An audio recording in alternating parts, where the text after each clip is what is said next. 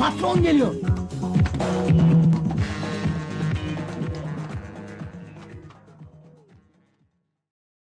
Merhabalar, LTD ŞT'nin 7. bölümüne hoş geldiniz. Ben Çağdaş Ağırtaş. Bu podcast e, serisi şirketlerle ilgili şirketlerin yönetim biçimlerinden, yaptıkları hatalardan, çalışanların mutsuzluğundan, yöneticilerin e, neleri düzgün yapamadığından bahseden bir seri. E, bu seriyi ben çekerken kaynaklarım birincisi kendi çalıştığım şirketler, ikincisi okuduğum kitaplar, üçüncüsü e, dinlediğim insanlar, gözlemlediğim insanlar olarak belirtmek isterim. Dolayısıyla bahsettiğim konuların genel doğruluğunu çok savunamam.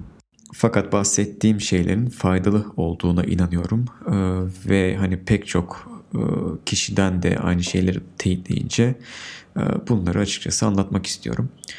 Şimdi benim motivasyonum ne bunları çekerken ki e, ondan bahsedeyim.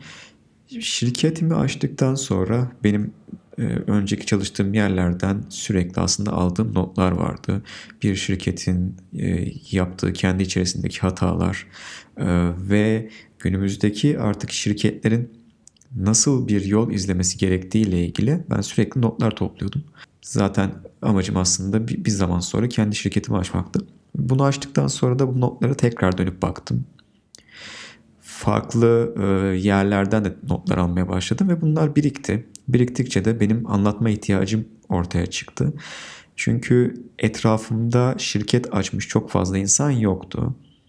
Ve onlarla konuşurken, onlarla onlara bir hayalden bahsederken, bir işleyişten bahsederken açıkçası çok fazla e, istediğim tepkileri alamıyordum. Çünkü çoğu yani e, benim kadar bu işe kafayı vermemiş oluyorlardı. Dolayısıyla ben bu anlatma ihtiyacını bir şekilde gidermem gerekiyordu. Bu podcastlere dinlemeye başladım ve e, aynı şeyleri düşündüğümü gördüm ve benim de söyleyecek birkaç şeyim olduğuna inanıp bu serileri yapmaya başladım.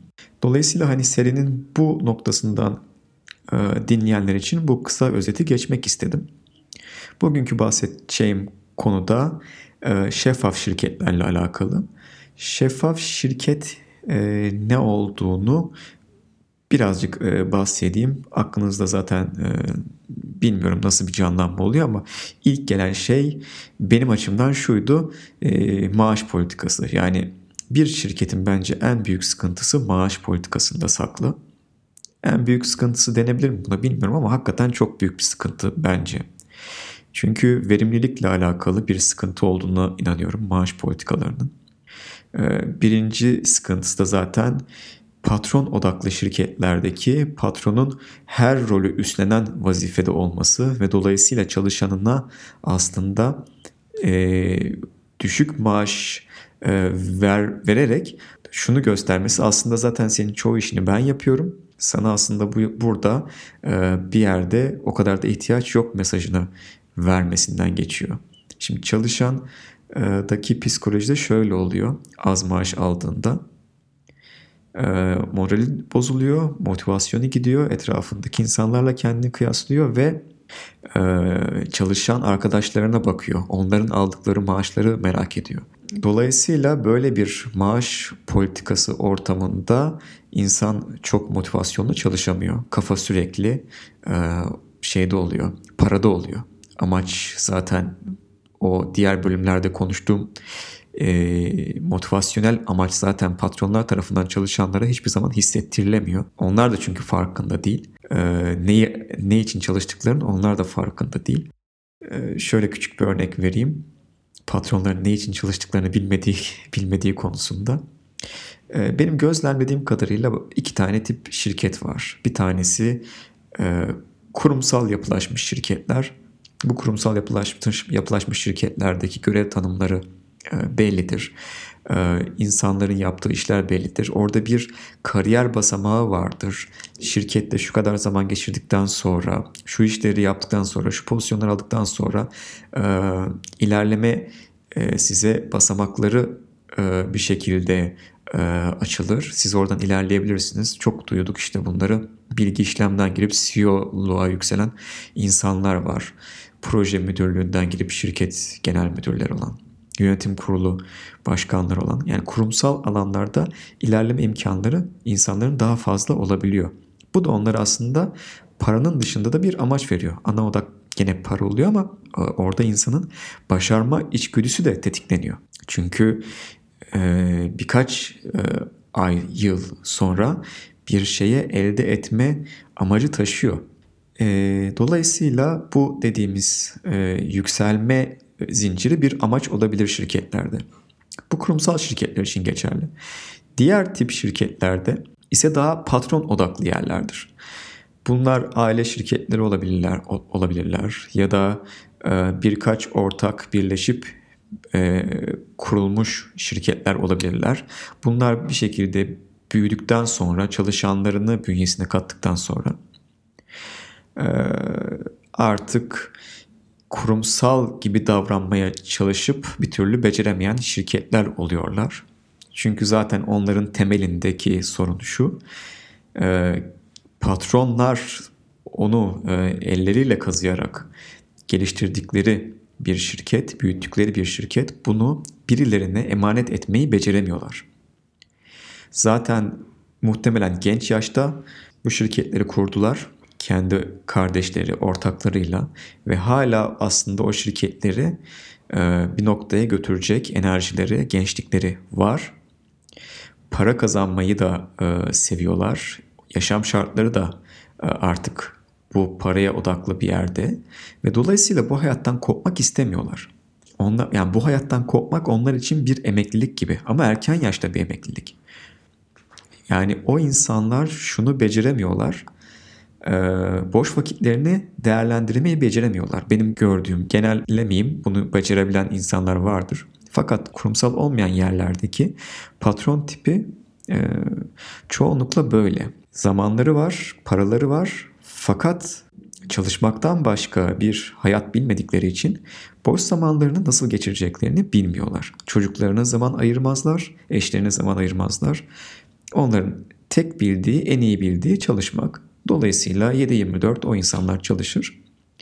Ve dolayısıyla kendileri bu kadar çalıştıkları için de çalışanlarına baskı unsuru yaratarak onlardan da kendi onlardan da şirketi kendi kadar sahiplenmesini isterler. Çok enteresan bir şeydir bu. Yani bir şirketi sahiplenilmesini isterler. Şimdi kurumsal şirketlerdeki durum biraz daha farklı oluyor. Orada görev tanımları var çünkü. Yani sizin yapmanız gereken belli işler var. Fazlasını e, yaparsanız ya da yapmazsanız e, bilmiyorum yani o, herkes fazla iş ister ama yani oradaki şeyler daha belirgin çizgilerle çevrili. Diğer patron odaklı şirketlerde ise çok fazla bir çizgi yok. Sizden her şeyi her işi yapmanız beklenir. Çünkü patron da aynı şekilde her işi yapar orada. Dolayısıyla tekrar maaşa dönersek, bu konuyu maaşa bağlarsak, insan, bu patronların e, e, emekli olması gibi zaten bir durum olamayacağı için onlar çalışmaya devam edecekler. Fakat siz o şirketteki pozisyonunuz ne olacak? Siz bir çalışansınız, oraya bir maaşla anlaştınız, girdiniz ve dolayısıyla da bir maaş politikası bekleyeceksiniz, zam bekleyeceksiniz. E, hayatınızı yaşamak için belli bir miktar paraya ihtiyacınız var ve bunları karşılama karşılamasını bekleyeceksiniz şirketin. Şirketin de tabii sizden beklentileri olacak. Şimdi Şeffaf şirkete geri dönersek, şeffaf şirketteki ben e, az önce söylediğim gibi birinci sorun maaş politikası.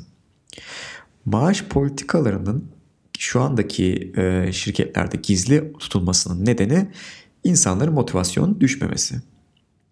Birinci sebep bu. E, çünkü biri daha fazla diğerinden kazandığını görürse Diğer az kazananın motivasyonu tabii ki düşüyor. Hele bir de aynı görevdeyse, aynı görev tanımları varsa o insan bir şekilde mutsuz oluyor ve siz neden mutsuz olduğunu bilemiyorsunuz. Çünkü e, maaş konuşulma, konuşulması yasak şirkette. Fakat bir şekilde öğrenmiş oluyor. O da zaten çok saçmadır çünkü bunlar yasak ama istenen istediği kişinin maaşını öğrenebiliyor şirketlerde. Yeterince e, tanıdığı varsa. Transparan, şeffaf, maaş politikasını bir şirketin nasıl belirlemesi gerekiyor? Yani bunu belirlemesi için şu sorunun az önceki sorunun farkında olması lazım. İnsanları e, insanlar bir kere e, maaş karşılığı iş yapıyorlar. E, dolayısıyla onlara yaptıkları işin karşılığı maaşı vermek gerekiyor ve bunu e, veremezseniz de bu sefer dediğimiz gibi e, o kişiden bir performans alamazsınız. Şimdi performans alamadığınız zaman zaten şirketin ilerlemesi mümkün olmuyor. Az önce bahsettiğimiz gibi patron odaklı şirketlerdeki büyük sıkıntı zaten bu. Patron her işi kendi yapabildiğine inandığı için ekibini bir kere kendinden daha aşağıda kurmaya başlıyor. Aşağıda kurmasının nedenlerinden bir tanesi zaten düşük maaş vermesi. Ona göre insan e, oraya e, personel alması. Yüksek maaş vermesi çünkü e, oraya kaliteli insan alacağı anlamına geliyor ve o kaliteli insanla kendisi baş edip edebileceğini patron öncelikle bir e, tereddütle yaklaşıyor. En büyük sıkıntılardan bir tanesi de zaten bu. Kendini adam tanımadığı için, kendinin yöneticilik becerilerine güvenmediği için e, oraya donanımlı birini almakta tereddüt ediyor. Artı ikinci konusu da oradaki dengelerle alakalı problemi. Çünkü oraya kalifiye bir eleman alırsa ona daha fazla yüksek maaş vermek zorunda kalacak. Bu sefer diğer insanların maaşlarının azlığı e, bir şekilde o dengeyi bozacak. Ve dediğim gibi bu maaş bir şekilde bilindiği için de şirkette huzursuzluk ortaya çıkacak. Dolayısıyla karmaşa yani kaos ben anlattıkça hakikaten içim şişiyor. Ee, aslında şunun olması gerekiyor ona da geleceğim. Ee, patronun egolarından arınmış olması gerekiyor bir ekibin e, şirketi ileriye taşıyacağını bilmesi gerekiyor. Bu ekibin parçalarını düzgün seçmesi gerektiğini bilmesi gerekiyor. Kendinin liderlik vasfında olması gerekip ekibe doğru elemanlar alarak doğru noktalarda doğru işler yapılması gerektiğini koordine etmesi gerekiyor. Aslında patronların yapması gereken şey bu. Peki madem artık e, nasıl yapılması gerektiği ile ilgili konuşmaya başladık. Çünkü olumsuzlukları saysam yani durmam yani hani saymaya devam ederim. O yüzden ne yapılması gerektiğini konuşalım. Çok fazla vakit harcamayalım şu andaki yanlışlıklarla. Öncelikle ben bu konuyu araştırdığımda bir tane şirket çok dikkatimi çekti. Ee, transparan e, politika benimseyen şirketler açıkçası bunu her alanda yansıtmaya başlamışlar. Yani personellerin maaş politikasından tutun işte yapılan ciro, kazanılan kar, kurulan ortaklıklar, gelen aktarılan paralar, yapılan işler, günlük e, koşuşturmalar falan yani hani abartı derecesinde bazen oluyor ama e, hoşuma gitti, çok hoşuma gitti. Özellikle maaş politikalarını nasıl açıkçası transparan yapabildiklerine şaşırdım. O yüzden de açıp baktım nasıl yaptılar diye. Yani adamların bir bloğu var. Bu arada bahsettiğim şirket bir internet şirketi. Fakat internet şirketi olmadan da transparan iş yapan başka şirketler de var. Özellikle e, benim e, kurduğum şirket gıda üzerine olduğu için ben şu anda gıdaya çok odaklıyım ve gıdadaki e, şeffaflığa, tedarik zincirlerinden işte ürünün müşterinin tabağına gidene kadar ki bütün e, aldığı yolun şeffaf olmasına ve bu şeffaflığında kaliteyi arttıracağına çok inanıyorum. Dolayısıyla ilgilendiğim konu bu olunca e, gıda şirketlerinin de bunu yapmaya başladığını gördüm. Ve dünyanın gittiği yönün de bu olduğuna inanıyorum gıda üzerine. Gıda ya da artık e, herhangi bir tedarik zincirinde çok önemli olduğunu düşünüyorum. Ve bununla ilgili de aslında bu transparanlıkla ilgili de bir e, podcast çekmek istiyorum. Anlatacağım bu konuda da şeyler var. Yani gıda soframıza gelene kadar hangi yollardan geçiyor? Ee, et ürünleri özellikle e, beyaz et benim ilgi alanım. Çünkü beyaz etin e, saklama koşulları daha e, serttir, daha zordur. Daha mikrop üremesine elverişlidir beyaz et. Dolayısıyla çok iyi muhafaza edilmesi lazım. Çok iyi işlenmesi lazım. ki güvenle tüketin. E, benim şu an kafamı yorduğum konulardan bir tanesi de bu. Dolayısıyla e, gıdanın yanında da işte bu teknoloji şirketleri bu transparanlığı çok iyi şekilde sunmaya başladılar. Peki transparanlıktan bahsettik. Transparanlık neyi aslında getiriyor? Şeffaflık neyi getiriyor? Neden önemli? Bunu birazcık söyleyeyim. Birincisi güveni ortaya çıkartıyor. Şu an günümüzde bence en önemli şey bir firmanın bütün yatırımını, bütün odağını e, vermesi gerektiği şey müşteri güveni. Yeni bir reklam harcamasındansa mevcut müşterilerin korunmasının daha önemli olduğunu varsayıyorlar. Ki haklılar. Çünkü oradaki yatırım daha fazla. Fakat eski müşteriler size her zaman yeni müşteri getirir. Onlar çünkü sizin ürününüzden etraflarına bahsederler. Onlar teşvik ederler eğer size yeterince size ve ürününüze güveniyorsa ve dolayısıyla pasif e, reklam şeklini alır eski müşteriler ve sizin için de çalışırlar. Dolayısıyla sizin önce müşterinin güvenini kazanmanız gerekiyor. Güvenini kazanmanız için müşteriyi aldatmamanız gerekiyor. Gerek üründe gerekse felsefenizde.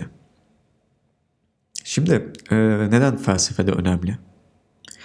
İnsanlar artık e, ürünlere çok rahatça ulaşabiliyorlar. Ve firmalar ürünleri özellikle aynı ürünleri e, çok firma rekabet halinde ucuz fiyata, pahalı fiyata, markalı markasız birçok birçok şekilde sunabilir halde. Eskisi gibi değil yani ulaşmakta zorluk çekmiyoruz. Seçmekte zorluk çekiyoruz tüketici olarak. Dolayısıyla firmaların bizle konuşması lazım. Bize ürünü anlatması lazım. Ürünü anlatırken kalitesinden bahsetmesi lazım. Kalitesinden bahsederken de kendinden bahsetmesi lazım. Bizim inanmamız lazım ki bizi aldatmayacağına inanalım birinci olarak o şirketin. Ondan almaya devam edelim. Dolayısıyla bizle kurduğu iletişim önemli. Peki hakikaten de adam karına kadar açık, çalışanlarının maaşına kadar açık, yaptığı işlere, tedarik zincirlerine, malı aldığı yerlerden işleme şekillerine kadar açık bir şirket benim e, bir e, tüketici olarak güvenimi kazanabilir mi? Evet kazanır. Yani hakikaten açık bir şirket varken kapalı bir şirketi ben tercih etmem eğer aynı ürün varsa. Hatta e, biri daha kaliteli yapsa bile gidip diğer taraftan almayı tercih ederim. O adam büyüsün çünkü e, ben en azından o adamdan aldığım zaman güven duyuyorum o ürünü. İşte bunu bana sağlıyor benle konuşuyor. Bana anlatıyor kendi derdini, felsefesini anlatıyor. Ben aynı zihindeysem o adamla o adamı ne ürün çıkartırsa almaya başlıyorum. Bunu yakalamak çok önemli. Dolayısıyla konunun başında maaşla girdim ama şeffaflığın ürün sağlamada, hizmet sağlamadaki asıl rolü bu. Güven sağlama. Eğer bir şirket maaş hesabında şeffaf olmayı becermişse diğer işlerde de becerir. Diğer işleri de becerir. Kesin ve net. O yüzden bu kadar önemsiyorum. Peki kısaca ben bahsedeyim çok uzatmayayım. Adamlar nasıl becermiş bu, becermiş bu transparan maaş politikasını? Öncelikle katsayı koymuş her şeye. Tabi herhalde bu ilk versiyonda becermediler. Birkaç versiyon denediler. Fakat her şeye bir katsayı koymuş. Çok hoşuma gitti. Ve katsayınız şunlardan oluşuyor. Ee, birincisi eğitim seviyeniz. O şirkette bulunduğunuz yıl, yaptığınız e, işin zorluk derecesi, riski, e, işin e, işin zorluğu ve sizin aynı zamanda kişisel olarak özellikleriniz. Yani o çok ilgimi çekmişti benim. Kişisel olarak bir insana katsayı vermek çok enteresan. Tabii bunlar e, şöyle katsayılar, olumsuzluklara değil olumlu hallere veriyorlar katsayıları. Örneğin mesela siz e, çok neşeli bir insansınız. İnsanları neşelendirme yeteneğiniz, motive etme yeteneğiniz varsa bu bir katsayıyla çarpılıyor maaşınızda. Çok enteresan. Ya da hafta sonu çok fazla çalışıyorsanız yani şöyle söyleyeyim gereğinden fazla çok çalışmayı seviyorsanız bu da bir katsayı. Sonuçta motive ediyor sizi maaş olarak. Ya da çok iyi bir dinleyiciyseniz, çok iyi bir anlatıcıysanız yani o şirkete bir şekilde insanlara pozitif bir yön verebilecek pozisyondaysanız kişisel özelliklerinizde bunlar size maaş olarak katsayı e, halinizde, halinizde çarpılıyor. Bence çok e, güzel bir fikir. Yani doğru oluşturulmuş bir formülizasyonla e, gayet güzel yürür bu işler. Bizim şirketlerde maalesef yani benim yaşadığım şirketlerdeki e, olay şu ne zaman bunu şeffaf hale getirseler herkes satışlara odaklı halde olduğu için bu işleri birbirine e, fesat duyuyordu. Yani kıskanma vardı e, ya da işte o işi gelecek ay onun elinden almak vardı. Çok e, fena koşullar oluyor bizim burada. Çünkü patronun verimliliği ölçebileceği en basit şey satışlarla alakalı. Satış yapıyorsanız verimlilik patron için budur. Verimlilik ölçüyor ama satış yapmadığınız bir işte diğer çalışanların da ya da şöyle söyleyeyim satışın olduğu bir işte satıştan prim alanların dışında o işin arkasında destek kısımlarındaki insanların da prim alması gerekmiyor mu? Tabii ki gerekiyor. E, fakat bunu nasıl adil bir şekilde düzenleyeceksiniz? İşte bunlar oturulup kafa yorulması gereken şeyler.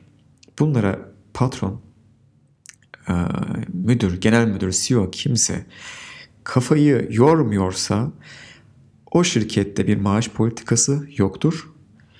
E, gizlenir ve dolayısıyla insanlar e, her zaman e, motive olmaktan uzak bir şekilde çalışır. Zaten en büyük sıkıntı da aslında şöyle bir şey duymuştum ben hakikaten çok hoşuma gitti. E, ben İzmir'de yaşıyorum bu arada. E, İzmir'in İzmir'de kurumsal şirketlerin olamamasının en büyük sebebi maaş politikası derler. Hakikaten de bence de öyle. Çünkü inanılmaz düşük diğer şehirlere göre maaş politikaları vardır ve dolayısıyla çalışanlar o şirketlerde uzun süre kalmazlar giderler kendi şirketlerini kurarlar ya da çok sık yer değiştirirler dolayısıyla o şirketler kurumsallaşamaz. Çok nettir yani. Sizin insanları kurumsallaşmak için birincisi doğru insanları almanız lazım. O insanlara doğru maaş vermeniz lazım. O insanlara doğru amaç vermeniz lazım. Sizin o insanları doğru şekilde yönetmeniz lazım. Ve bunlar birleşince o şirket artık e, çarkına e, yani rayına oturuyor, çarklar dönmeye başlıyor, kurumsallaşmaya başlıyor. Fakat bunların hiçbir tanesi olmazsa siz ne zaman o şirketten ayrılırsınız o zaman o şirkette yavaş yavaş biter. Yani benim gördüğüm hakikaten de e, şirketlerin başına gelen e, olaylar bu şekilde oluyor. Ee, bu bölümü ben burada sonlandırmak istiyorum. Dinlediğiniz için teşekkür ederim. Ben Çağdaş Ağırtaş, LTD ŞTİ 7. bölümdü. Bir sonraki bölüm görüşmek üzere.